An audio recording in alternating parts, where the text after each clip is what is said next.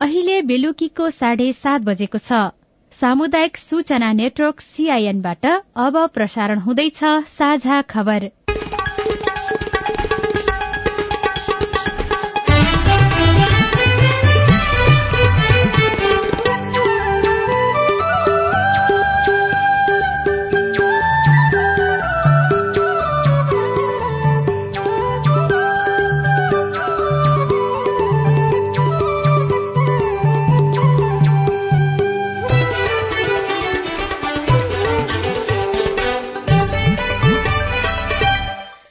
सीआईएनको साझा खबरबाट सोभिता रिसालको नमस्कार। साझा खबर देशभरिका सामुदायिक radio CIN Khabar dot com र मोबाइल एप सीआईएनमा पनि सुन्न सकिन्छ।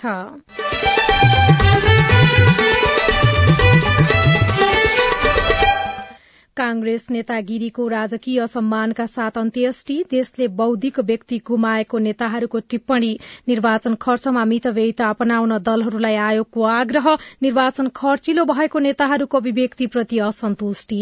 बढी खर्च चाहिने भएकोले निर्वाचन कठिन भयो भन्नु के कुनै भद्दा मजाक बाहेक अर्को के हुन सक्ला र भन्छु निर्वाचनका लागि एक लाख बीस हजार म्यादी प्रहरी माग। वैदेशिक रोजगारीमा कमाई भन्दा चिन्ता धेरै। गुनासो सुन्न मन्त्रालयमा कल सेन्टर। श्रमिकका समस्या समाधानमा मन्त्री कुंवरको प्रतिबद्धता। उहाँहरूको उद्धार गर्नुपर्छ। उहाँहरूको उद्धार भएन भने त्यही पावरले सबै क्षतिपूर्ति बेहोर्नुपर्ने हुन्छ। चैत सात गतेदेखि निवेदन दिएको छ भने त्यो अहिलेसम्म किन अड्किएको हो त्यो पनि हामी बुझौँला। दुईवटा विधेयक राष्ट्रपति भण्डारीबाट प्रमाणीकरण। साउन महिनामा झण्डै दुई अर्बको विद्युत निर्यात आरक्षण व्यवस्थालाई अन्त्य गर्न सरकारलाई समावेशी आयोगको सुझाव। गरिब मान्छे कहाँ पुगेन। जस्तो आदिवासी भनौँ जनजाति भनौँ महिला भनौँ दलित भनौँ त्यसमा पनि धनी मान्छे कहाँ पुग्यो कि? तिनीहरूको गरिब कहाँ पुगेन? त्यहाँ पुर्याउनु पर्यो भने र शक्ति राष्ट्र बीचको तनावले एसिया प्रशान्त क्षेत्र असुरक्षित बनेको सिंगापुरका प्रधानमन्त्री सीएन लुङको भनाई।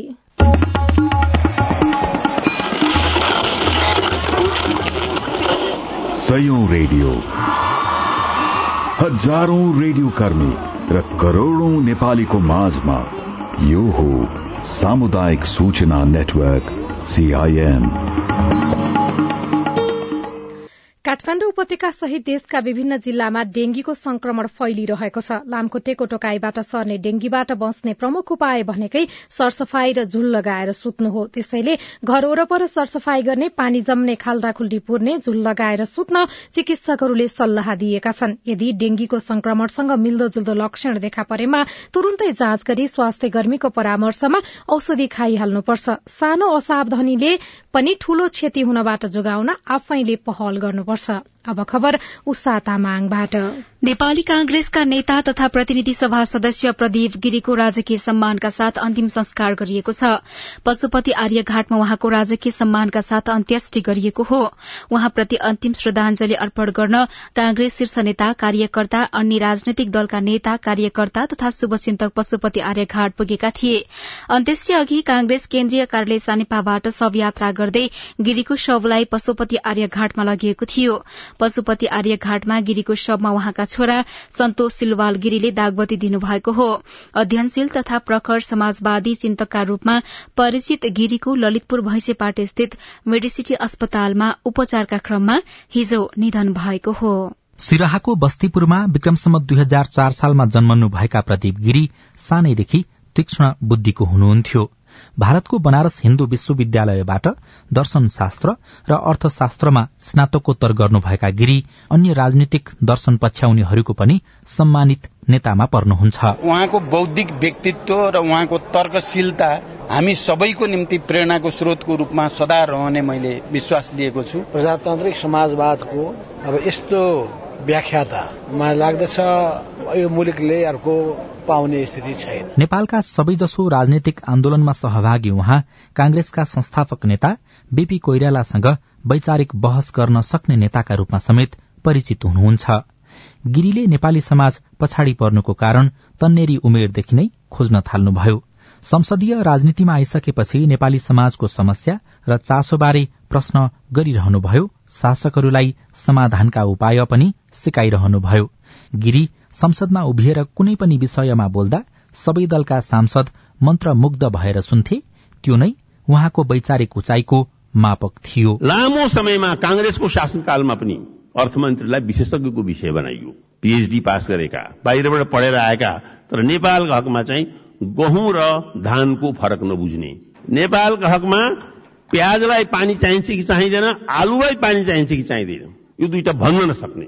मानिसहरू हाम्रा सरकार पाला मन्त्री भए। पटक पटक सांसद बने पनि गिरी मन्त्री बन्न कहिले इच्छुक हुनु भएन। अध्ययन अनुसन्धान र लेखनमा रूचि राख्ने उहाँले लेखेका लेनिनको जीवनी नारी मार्क्सवाद र अर्थशास्त्र लगायतका विषयमा एक दर्जन भन्दा बढ़ी पुस्तक प्रकाशित छन्। गिरीले बस्तीपुरको पुर्ख्यौली सम्पत्ति मित्र सेवा आश्रमका नाउँमा अर्पण गर्नुभएको छ। उहाँले निकै सरल र साधा जीवन बाँच्नुभयो। बडा प्राचीन कालमा पुराणमा लेखा छ धेरै पैसा कमाउनु छ भने व्यापार गर आगामी सन्ततिहरूको चिन्ता गर्न छ भने उद्योग बनाऊ शान्तिपूर्वक बस्नु छ भने गाउँमा छ कतिपयले उहाँलाई बीपी कोइराला पछिका समाजवादी चिन्तक र बौद्धिक व्यक्तित्व मान्छन्। बाँचुन्जेल वामपन्थी नेताहरूले समेत उत्तिकै श्रद्धा र सम्मान गर्ने नेताका रूपमा परिचित गिरीको समाजवादी चिन्तनलाई अबको पुस्ताले पनि पछ्याइरहनेछ। राजन रुचाल सीआईएन काठमाडौँ। पार्टीका नेता एवं सांसद गिरीको निधनपछि आकस्मिक बैठक बसेर कांग्रेसले गिरीको निधनमा दुःख जनाउँदै शोक प्रस्ताव पारित गरेको छ। कांग्रेसले आजदेखि तीन दिनसम्म केन्द्रीय र मातहतका सबै कार्यालयहरूमा पार्टी झण्डा आधा झुकाउने तथा शोक श्रद्धांजलिका कार्यक्रम बाहेक पार्टीका अरू सबै कार्यक्रम स्थगित गर्ने निर्णय पनि गरेको छ। निर्वाचन आयोगले तोकेको खर्च सीमा भन्दा बढ़ी खर्च गरेर निर्वाचनमा भाग नलिन आग्रह गरेको छ।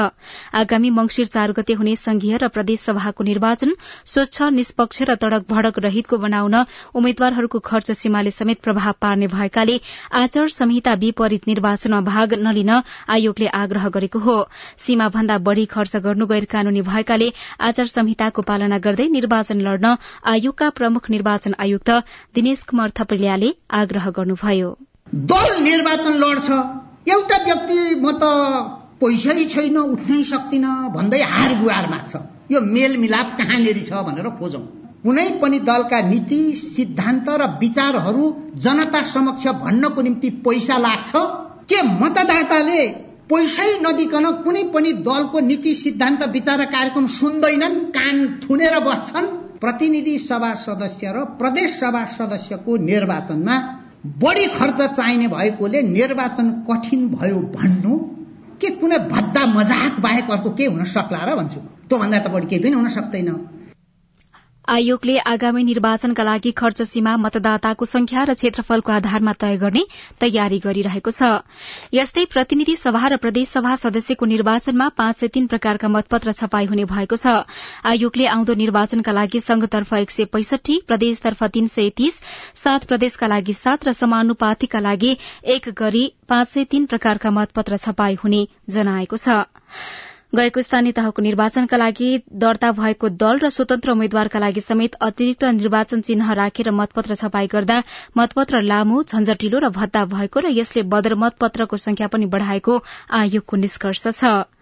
प्रहरी प्रधान कार्यालयले आगामी निर्वाचनको सुरक्षाका लागि सरकारसँग एक लाख बीस हजार म्यादी प्रहरी माग गरेको छ। कार्यालयका अनुसार केही दिन अघि गृह मन्त्रालयलाई त्यसबारे प्रस्ताव पठाइएको छ। यसअघि स्थानीय तह निर्वाचनका लागि प्रहरीले एक लाख अठार हजार म्यादी प्रहरी माग गर्दा सरकारले एक लाख मात्र नियुक्त गर्ने निर्णय गरेको थियो। आरक्षण व्यवस्थालाई अल्पकालीन व्यवस्थाको रूपमा लिँदै जतिसक्दो छिटो अन्त गर्न सरकारलाई राष्ट्रिय समावेशी आयोगले सुझाव दिएको छ। निजामती सेवा र स्वास्थ्य सेवाको क्षेत्रलाई समेटेर गरिएको विद्यमान सरकारी सेवामा आरक्षणको प्रभाव अध्ययनको प्रतिवेदन मार्फत यस्तो सुझाव दिइएको हो। आयोगले आन्तरिक प्रतिस्पर्धातर्फको बढ़ुवामा समेत आरक्षणको व्यवस्था हटाउन र बढ़ुवाका कुनै पनि गतिविधिमा आरक्षणको व्यवस्था नगर्न पनि सुझाव दिएको छ। निजामती सेवा ऐन दुई हजार उनापचास संशोधन गरी लागू गरिएसँगै निजामती सेवाको खुल्ला प्रतिस्पर्धाबाट पदपूर्ति गरिने मध्ये पैंतालिस प्रतिशत पद विभिन्न छ समूहका लागि आरक्षणको व्यवस्था गरिएको थियो। त्यसमा महिला तेत्तीस प्रतिशत आदिवासी जनजाति सत्ताइस मधेसी बाइस दलित नौ अपाङ्गता पाँच र पिछड़िएको क्षेत्र चार प्रतिशत छ। आयोगका अध्यक्ष डाक्टर रामकृष्ण तिमल सेनाले भने यसलाई हटाउन भन्दा पनि आरक्षण व्यवस्था शहरी क्षेत्रका लागि मात्रै लागू भएकाले सबैलाई समेट्ने गरी रणनीति बनाउन सुझाव दिएको दावी गर्नुभयो। सीआईएनसँगको कुराकानीमा अध्यक्ष तिमल सेनाले भन्नुभयो आरक्षणको व्यवस्था जुन छ त्यो व्यवस्था समूहसम्म पुग्यो गरिब भन्दा गरिब मान्छे कहाँ पुगेन जस्तो आदिवासी भनौँ जनजाति भनौँ महिला भनौँ दलित भनौँ त्यसमा पनि धनी मान्छे कहाँ पुग्यो कि? तिनीहरूको गरिब कहाँ पुगेन? त्यहाँ पुर्याउनु पर्यो भने टेम्पोररी हो चाहिँ भनियो यो किनभने सदाको लागि सर्वकालिक होइन। तर अब कहिलेसम्म हुन्छ र त्यो कहिले सिद्धिन्छ भन्ने कुरो अहिले हामीले के गरेका छैन। होइन? तर यसको क्लस्टर्सहरूमा भोइसलेस पिपुल कहाँ पुर्याउनु पर्छ यसलाई। त्यसको लागि व्यवस्था गर्नु पर्यो भनेको हो। दुई हजार चौसठी पुसदेखि आरक्षण लागू भए यता लोकसेवा आयोगले उनाचालिस हजार नौ सय उनासी जना उम्मेद्वार सिफारिश गरेकोमा खुल्लातर्फ पच्चीस हजार तेइस जना प्रवेश हुँदा आरक्षणतर्फ चौध हजार नौ सय छप्पन्न जना छन्। आरक्षण लागू भएपछि महिला पाँच हजार एक सय साठी आदिवासी जनजाति चार हजार सन्ताउन्न मधेसी तीन हजार एक सय उनासयले प्रवेश पाएका छन्। त्यसै गरी दलित एक हजार तीन सय आठ अपाङ्गता छ सय अन्ठानब्बे र पिछड़िएको क्षेत्रबाट पाँच सय चौतिस जनाले प्रवेश पाएका छनृ। नेपाल विद्युत प्राधिकरणले चालू आर्थिक वर्षको पहिलो महिनामा एक अर्ब त्रियासी करोड़ अठासी लाख छयत्तर हजार रूपियाँको विद्युत निर्यात गरेको छ। साउन महिनामा देशभित्र खपत गरी बढ़ी भएको चौविस करोड़ छब्बीस लाख त्रियासी हजार युनिट विद्युत भारततर्फ निर्यात गरिएको प्राधिकरणले जनाएको छ। प्राधिकरणले गत जेठ उन्नाइसबाट इण्डियन इनर्जी एक्सचेन्ज लिमिटेड आईएक्सको डे अहेड बजारमा प्रतिस्पर्धा मार्फत बिक्री शुरू गरेको थियो। वर्षायाममा देशभित्रको माग भन्दा बढ़ी उत्पादन भएकाले साउनमा दैनिक औषध पाँच करोड़ त्रियानब्बे लाख रूपियाँको बिजुली भारतलाई बेचिएको प्राधिकरणका प्रवक्ता सुरेश बहादुर भट्टराईले सीआईएनलाई जानकारी दिनुभयो। हाम्रो एक्सपेक्टेसन त योभन्दा धेरै पैसा थियो तर भारतीय बजारमा अहिले सोलर भयो प्लस धेरै बर्सात भएको हुँदाखेरि विद्युतको जुन प्राइस हो त्यो धेरै महँगो हुन सकेन। महँगो भएको भए हाम्रो एक्सपेक्टेसन योभन्दा धेरै नै थियो। तर यो पनि चित्त बुझ्दो नै छ होइन? यसलाई ठिकै मान्नुपर्छ।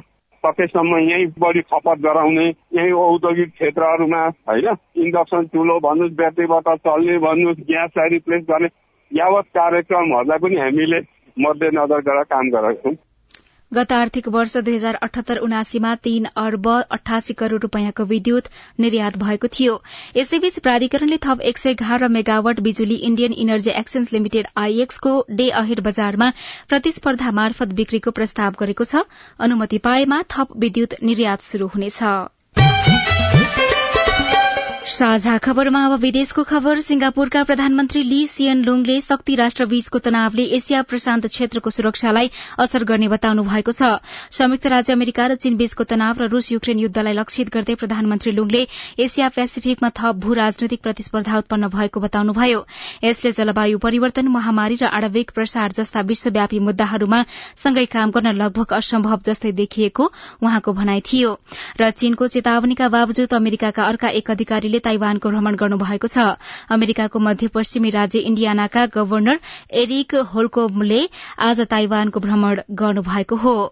र एउटा खेल खबरमा युवा तथा खेलकुद मन्त्री महेश्वर जंग गहतराजले नवौं राष्ट्रिय खेलकुद प्रतियोगिता समयमै सम्पन्न हुने दावी गर्नुभएको छ। पोखरा रंगशालामा आज प्रतियोगिताको कार्यकारी समिति सचिवालय उद्घाटन गर्दै मन्त्री गहतराजले तोकिएकै मितिमा प्रतियोगिता सम्पन्न हुने बताउनु भएको हो। संसदीय निर्वाचनले प्रतियोगिताको आयोजनामा असर पर्न सक्ने आंकलन गरिएका बेला मन्त्री गहतराजले तालिका अनुसार प्रतियोगिताको तयारीको काम अघि बढ़ेको बताउनुभयो। तामाङ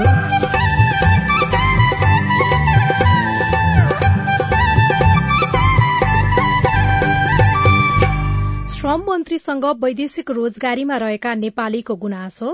खानालाई पनि पैसा दिएको छैन हामी यहीँबाट पठाइरहेछौँ। पकामाहरू केही बनाइदिएको छैन घर ल्याइदिनु भन्दा पनि। ठिक छ अब तपाईँले त्यो जानकारी हामीलाई दिनुभयो होइन?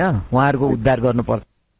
विदेश आउँदा लाखौं लिन्छन् भने अनुसारको काम पाइँदैन। रिपोर्ट बालबालिकाको प्रश्नमा सरकारी अधिकारीको जवाफ। विशेष श्रृंखला हाम्रो पालो लगायत सामग्री बाँकी नै छन्। सीआईएनको साझा खबर सुन्दै गर्नुहोला। मम्मी खाजा? मम्मी मेरो होमवर्क गर्ने कापी। बुहारी एकदम खुट्टा दुख्यो। बुहारी चिया खान मन लागेको थियो। बुढी कपडा मैलो भएछ। अरे मेरो परिवार भर्खरै सुनेको संवाद तपाईँलाई कस्तो लाग्यो? यही संवादलाई फेरि एकपटक यसरी सुनौ न है। मम्मी खाजा आज म बनाउँछु। मिठो बनाउँछु है। मम्मी मेरो होमवर्क गर्ने कापी मैले खोजिसके। अब म होमवर्क गर्छु। बुहारी एकदम खुट्टा दुख्यो। छोराले तेल तताएर लगाइदिएपछि अलि आराम भयो। बुहारी चिया खान मन लागेको थियो। सबैको लागि बनाएको छु। आऊ सबैजना खान। बुढी कपडा मैलो भएछ। घर नि कस्तो फोहोर। कपडा धोएर भ्याए। अब घर सफा गर्छु। कोरोनाको महामारीबाट बस्न पनि त सरसफाइ जरुरी छ नि। आहा मेरो परिवार। तपाईँलाई दोस्रो संवाद कस्तो लाग्यो? पक्कै राम्रो लाग्यो। हो तपाईँ हामी बीच जिम्मेवारी बोध भयो भने एक अर्का बीचको निकटतालाई अझ राम्रो बनाउन सकिन्छ। बाढी चोडी जिम्मेवारी परिवारमा समझदारी। महिला बालबालिका तथा ज्येष्ठ नागरिक मन्त्रालय युएन वुमन ल्याक र अकुराबको सहकार्य। सामाजिक रूपान्तरणका लागि यो हो सामुदायिक सूचना नेटवर्क सीआईएम तपाई सामुदायिक सूचना नेटवर्क सीआईएनले तयार पारेको साझा खबर सुन्दै हुनुहुन्छ। संघीय संसदको दुवै सदनबाट पारित भइआएका दुईवटा विधेयक राष्ट्रपति विद्यादेवी भण्डारीले प्रमाणीकरण गर्नुभएको छ। नेपाल इन्जिनियरिङ परिषद ऐन दुई हजार पचपन्नलाई संशोधन गर्न बनेको विधेयक र ज्येष्ठ नागरिक सम्बन्धी ऐन दुई हजार त्रिसठीलाई संशोधन गर्न बनेको विधेयक प्रमाणीकरण भएको हो। नेपालको संविधानको धारा एक सय तेह्रको उपधारा दुई बमोजिम ती विधेयक प्रमाणीकरण भएको राष्ट्रपति कार्यालयले जनाएको छ। सरकारले श्रम तथा रोजगार क्षेत्रसँग सम्बन्धित गुनासोलाई तत्काल सम्बोधन गर्न साढे तीन वर्ष अघि श्रम कल सेन्टर सञ्चालनमा ल्याएको थियो जस अन्तर्गत हालसम्म उन्नाइस हजार भन्दा बढ़ी गुनासो रेकर्ड भएका छन्। श्रम रोजगार तथा सामाजिक सुरक्षा मन्त्री शेरबहादुर कुंवरले त्यस्ता गुनासा सम्बोधनमा सक्रियता देखाउनु भएको छ। नमस्कार नमस्कार। नमस्कार। त्यो मैले अघि त्यो टोल फ्रीमा फोन गरेको थिएँ। श्रम मन्त्रालयको टोल फ्री नम्बर हो। किन आयो भनेर सोधी खोजी गर्नको लागि कल ब्याक गरेको? बर्दिवास एक महोत्तरीका रञ्जु शाहका श्रीमान वैदेशिक रोजगारीका सिलसिलामा नौ महिना अघि साउदी अरब जानुभयो तर श्रम सम्झौता अनुसार काम पाउनु भएन। रञ्जु विदेशमा अलपत्र पर्नुभएका श्रीमानलाई नेपाल फर्काउन सात महिनादेखि वैदेशिक रोजगार विभाग धाइरहनु भएको छ। तर काम बनेको छैन। खानालाई पनि पैसा दिएको छैन। हामी यहीँबाट पठाइरहेको छौँ कामाहरू केही बनाइदिएको छैन। घर ल्याइदिनु भन्दा पनि विभागमा मैले उजुरी गरेको चैत सात गते आजसम्म मेरो कहीँ केही सुनवाई छैन। कल सेन्टरमा फोन मार्फत रञ्जुको गुनासो सुनेपछि श्रम रोजगार तथा सामाजिक सुरक्षा मन्त्री शेरबहादुर कुंवरको जवाब थियो। ठिक छ। अब तपाईँले त्यो जानकारी हामीलाई दिनुभयो होइन? उहाँहरूको उद्धार गर्नुपर्छ। उहाँहरूको उद्धार भएन भने त्यही मेन पावरले सबै क्षतिपूर्ति बेहोर्नु पर्ने हुन्छ। चैत सात गतेदेखि निवेदन दिएको छ भने त्यो अहिलेसम्म किन अड्किएको त्यो पनि हामी बुझौँला। खोजी खोजी गरेर तपाईँलाई जानकारी आउँछ बहिनी है त? श्रमिकसँग श्रम मन्त्री कार्यक्रम अन्तर्गत आज बिहान एघार बजेदेखि बाह्र बजेसम्म कल सेन्टरमा रञ्जु लगायत नौ जनाले गुनासो राखे। मन्त्री कुंवरले पालै पालो प्रश्नहरूको जवाफ दिनुभयो गुनासोहरूको सम्बोधन गर्नुभयो। लगत्तै मन्त्री कुंवरले श्रमिकका समस्या समाधानमा मातहतका निकायसँग कुरा गर्ने बताउनुभयो अनि श्रमिकका गुनासो सुन्ने र सम्बोधन गर्ने उहाँको प्रतिबद्धता पनि छ। कुनै दिन म बाहिर गएको बेला म यो भ्यालीमा नरहेको बेला स्थगित हुन सक्छ। नभए भ्यालीमा रहेको बेला त सधैँ कन्टिन्यू हुन्छ। कुनै पनि कार्यक्रम सुरु गर्दाखेरि त्यसलाई ब्रेक गर्नको लागि त होइन नि त। त्यसलाई त कन्टिन्यू गर्नको लागि नै हो। सहजताको लागि नै यसको मकसद भनेको प्रत्यक्ष रूपमा हामी मन्त्रालयले पनि जानकारी पाउँ र उनीहरूले कानूनी कारवाही यो गरिन्छ भन्ने विश्वास पनि रहन सक्छ र हामीले राहत पाउन सक्छौँ हामीले न्याय पाउँछौँ भन्ने ढुक्कता पनि हुन सक्छ भनेर नै हामीले कार्यक्रम सरकारले श्रम तथा रोजगार क्षेत्रसँग सम्बन्धित गुनासोलाई तत्काल सम्बोधन गर्न साढे तीन वर्ष अघि श्रम कल सेन्टर सञ्चालनमा ल्याएको थियो। जस अन्तर्गत हालसम्म उन्नाइस हजार भन्दा बढ़ी गुनासा रेकर्ड भएका छन्। तीमध्ये तिरानब्बे प्रतिशत गुनासोको सम्बोधन गरिएको मन्त्रालयको दावी छ। विशेष गरी वैदेशिक रोजगार प्रधानमन्त्री रोजगार कार्यक्रम सामाजिक सुरक्षा कोषका साथै मन्त्रालय मातहतका अन्य निकायबाट भइरहेका काम कार्यवाही बारे गुनासो आएको र सुनवाई गरी तत्काल समस्या समाधानको लागि पहल गरिएको मन्त्रालयका सचिव एक नारायण अर्याल बताउनुहुन्छ। तीन चार महिना यता चाहिँ तीस करोड़ रुपियाँ त पीड़ितहरूको हामीले असुल पनि गर्यौं। यही कल सेन्टरमा आएको उजुरीको आधारमा होइन? त्यो कारणले गर्दाखेरि यो कल सेन्टरमा आएको उजुरीहरू चाहिँ समाधान गर्नको लागि मन्त्रालय संस्थागत हिसाबमै अगाडि बढ़िरहेछ। पहिला चाहिँ यो सोह्र घण्टाको थियो। हामीले अहिले चौबिस घण्टाको बनाएको छौँ। श्रमिकहरूले आफ्ना गुनासो राख्न निशुल्क फोन नम्बर एघार एकचालिस वा सोह्र साठी शून्य पन्ध्र शून्य शून्य उपलब्ध गराइएको छ भने विदेशबाट शून्य शून्य नौ सात सात एक पाँच नौ सात शून्य शून्य आठमा सशुल्क फोन गर्न सकिनेछ। त्यस्तै भाइबर नम्बर शून्य शून्य नौ सतहत्तर अन्ठानब्बे शून्य अठार शून्य शून्य शून्य एक तीनमा पनि सम्पर्क गर्न सकिने मन्त्रालयले जनाएको छ। सुशीला श्रेष्ठ साझा खबरमा अब हेलो सीआईएन स्नेहा कर्णबाट। जाजरकोटका एकजना महिलाले हामीलाई मेल मार्फत समस्या समाधान गरिदिनका लागि आग्रह गर्नु भएको छ। उहाँ लेख्नुहुन्छ अठार महिना भयो मैले जाजरकोट जिल्ला अदालतमा सम्बन्ध विच्छेदका लागि निवेदन दिएको। अदालतले विपक्षीलाई तारिख दिन्छ तर विपक्षी तारिखमा उपस्थित हुँदैन। यसरी मैले कति दिनसम्म दुःख पाउने? उहाँको यो समस्या समाधान कसरी हुन्छ भनेर हामीले जिल्ला अदालत जाजरकोटका तहसीलदार सुशील आचार्यलाई भनेका छौं। सम्बन्ध विच्छेदको केसमा चाहिँ एक वर्ष चाहिँ कानूनले कुलिङ पिरियड दिएको हुन्छ त्यो चाहिँ हामीले पर्खनु नै पर्ने हुन्छ। सहमति भएको अवस्थामा चाहिँ उतिखेरै हुन्छ। सहमति नभएको अवस्थामा चाहिँ एक वर्ष मेलमिलापको लागि कुलिङ पिरियड दिएको हुन्छ। त्यसैको लागि होला। दत्ता कहिले भएको भनेको भए मैले के भएको छ ठुलो भनेको भए मैले एक्ज्याक्ट भन्न सक्थेँ। थप बुझ्नु छ भने अदालतमै आएर सम्पर्क गर्ने वा तपाईँसँग आएर बुझ्दा नि हुन्छ? मसँगै फोन गरेर बुझ्दा पनि हुन्छ अदालतको सम्पर्क गरेर बुझ्दा पनि हुन्छ। नमस्कार बब्लु नेपाली दैलोको आठबिस नगरपालिकाबाट मेरो तीन नम्बर राउन्डमा अहिलेसम्म खानेपानी पुगेको छ। दुई हजार चौध सालको चुनावमा यहाँका जनप्रतिनिधिहरूले पहिलो प्रथमता खानापानी घोषणा पत्रमा राखेका थिए तर केही पनि काम गर्न सकेनन्। हाल दुई हजार सालमा सम्पन्न भएको चुनावमा पनि यहाँका नयाँ जनप्रतिनिधिले खानेपानी पहिलो पत्रमा राखेका छन् तर यो कहिलेसम्म कार्यान्वयन सक्छ जानकारी पाएको भए आभार हुन्छ तपाईँको गुनासो सुनिसके पछि वडा नम्बर तीनका वडा अध्यक्ष नरेन्द्र कार्की सम्बोधन गर्दै भन्नुहुन्छ। यो शहरी विकास मार्फत बजेट छुटिएको छ टेन्डर भएको छैन। यसको टेन्डर लगतै हुन्छ होला शहरी विकास मार्फत। काम सुचारू हुने हो खानेपानीको म्याडम यही नै हो। कहिलेबाट शुरू हुन्छ केही भन्न सकिन्छ? अहिले शहरी विकासमा प्रमुख हुनुहुन्न। त्यही भएर अहिले शहरी विकासको काम त्यति सुचारू भइरहेको छैन। लगतै दसैँसम्म हुन्छ होला। अनि तपाईँ जुनसुकै बेला हाम्रो टेलिफोन नम्बर शून्य एक बान्न साठी छ चार छमा फोन गरेर आफ्नो विचार गुनासो प्रश्न तथा प्रतिक्रिया रेकर्ड गर्न सक्नुहुन्छ। तपाई सामुदायिक सूचना नेटवर्क सीआईएनले काठमाण्डुमा तयार पारेको साझा खबर सुन्दै हुनुहुन्छ। कोरोना खोपबारे बालबालिकाको प्रश्न। कोरोना भाइरसको नयाँ भेरिएन्टको कारणले चाहिँ लकडाउन हुने सम्भावना छ र कोरोनाको के भन्छ बिरामी कति छन् त्यसले कस्तो असर गर्दैछ त्यसमा भर पर्छ। सम्बन्धित विज्ञको जवाफ विशेष श्रृंखला हाम्रो पालो बाँकी नै छ सीआईएनको साझा खबर सुन्दै गर्नुहोला। बालबालिकालाई लगाउँदै गरेको खोपमा चाहिँ बालबालिकाहरू कहाँ गएर लगाउनु पर्ने र खोप लगाउन जाँदा के के लिएर जानु पर्ने त्यसबारे बताइदिनुहोस् न। मेरो जिज्ञासा के छ भनेपछि हामी विद्यार्थीहरू एकदमै जोखिममा छौँ तर पनि हामीहरूले समयमा खोप उपलब्ध हुन सकेको छैन।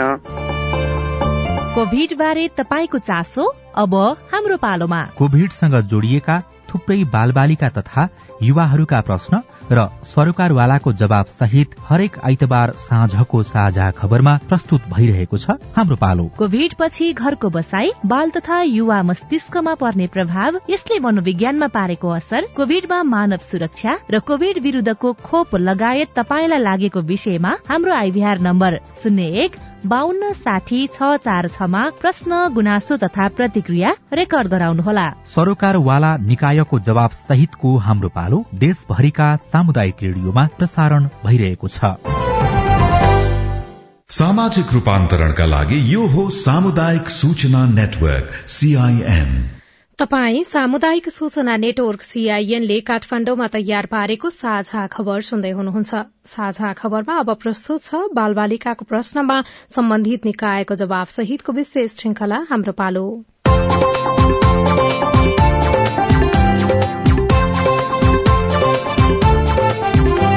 नमस्कार म सुशीला।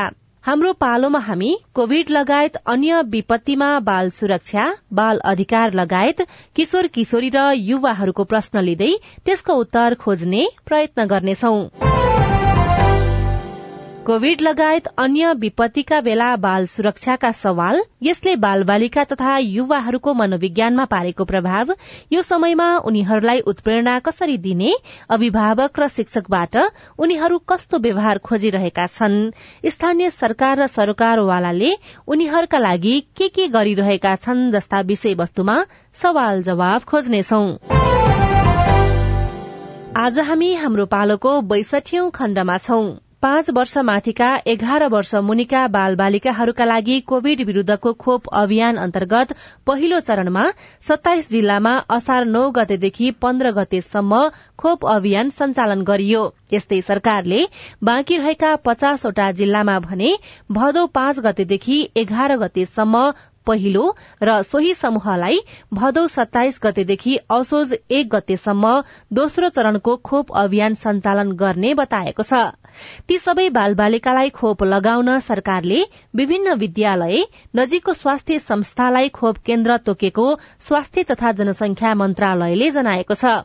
आजको हाम्रो पालोमा हामीले यही कोरोना र कोरोना खोप बारे बालबालिकाको सवाललाई समावेश गर्दैछौ जसको जवाफ दिँदै हुनुहुन्छ स्वास्थ्य सेवा विभागका इपिडिमियोलोजी तथा रोग नियन्त्रण महाशाखाका प्रमुख डाक्टर चुमनलाल दास। नमस्कार म तीर्थराज नेपालगञ्ज उपमहानगरपालिका चार। मेरो प्रश्न कोरोना सम्बन्धी छ।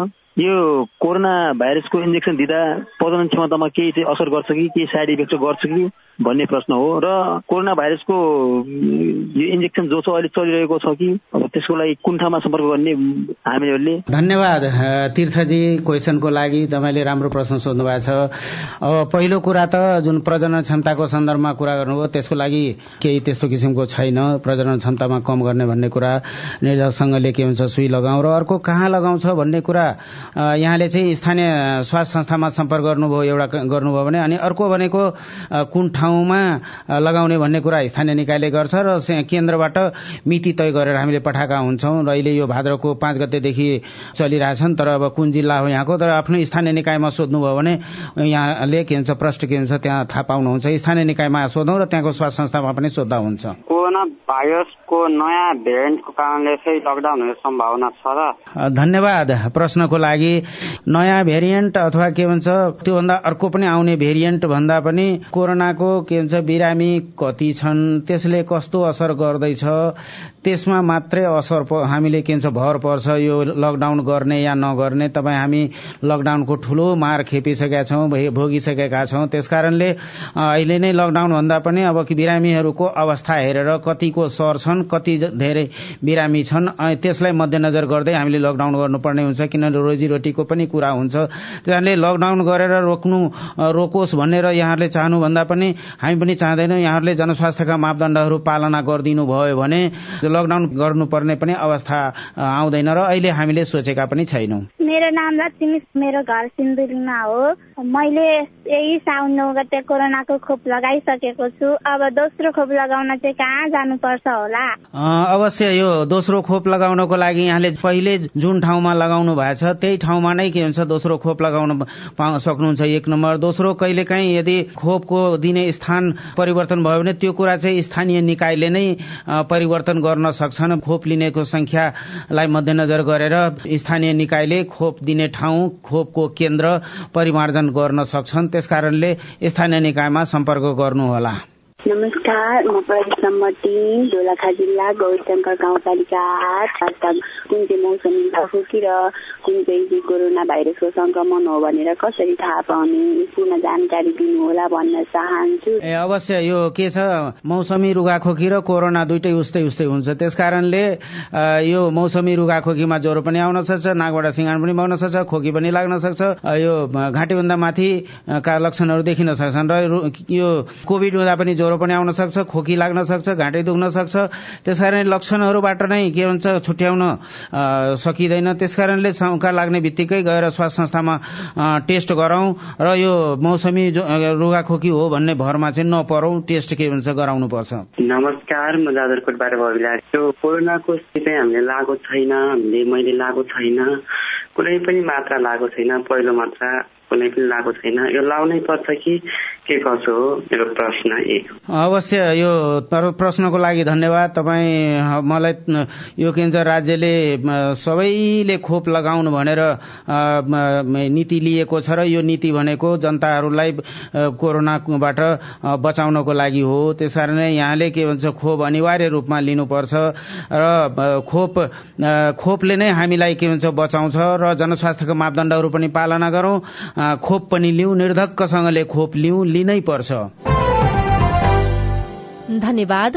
इपिडिमियोलोजी तथा रोग नियन्त्रण महाशाखाका प्रमुख डाक्टर चुमनलाल दासलाई। तपाईका प्रश्न तथा जिज्ञासाको लागि तपाईँको आवाज रेकर्ड हुने आइभीआर नम्बर शून्य एक बान्न साठी छ चार छमा फोन गरेर प्रश्न तथा जिज्ञासा र विचार रेकर्ड गराउनुहोला। अर्को हप्ता प्रश्नको उत्तर खोजौला। साझा खबरमा हाम्रो पालो आजलाई यति। अब तपाईँको पालो। कांग्रेसका नेता प्रदीप गिरीको राजकीय सम्मानका साथ अन्त्येष्टि गरिएको छ। देशले बौद्धिक नेता गुमाएको नेताहरूले टिप्पणी गरेका छन्। निर्वाचनमा हुने खर्चमा मितव्ययिता अपनाउन दलहरूलाई निर्वाचन आयोगले आग्रह गरेको छ। निर्वाचन खर्चिलो भएको नेताहरूको अभिव्यक्तिप्रति आयोगले असन्तुष्टि जनाएको छ। निर्वाचनका लागि एक लाख बीस हजार म्यादी प्रहरी माग भएको छ। वैदेशिक रोजगारीमा कमाई भन्दा चिन्ता धेरै हुन थालेको छ। गुनासो सुन्न मन्त्रालयमा कल सेन्टर स्थापना गरिएको छ। कल सेन्टरमा आएका गुनासा समाधान गर्ने मन्त्री कुंवरले प्रतिबद्धता व्यक्त गर्नुभएको छ। र दुईवटा विधेयक राष्ट्रपति भण्डारीबाट प्रमाणीकरण भएको छ। साउन महिनामा झण्डै दुई अर्बको विद्युत निर्यात भएको छ। हवस् त आजलाई साझा खबरको समय सकियो। प्राविधिक साथी सुरेन्द्र सिंहलाई धन्यवाद। भोलि भदौ छ गते बिहान छ बजेको साझा खबरमा फेरि भेटौँला। अहिलेलाई सोभिता रिसाल पनि विदा हुन्छु। नमस्कार शुभरात्री।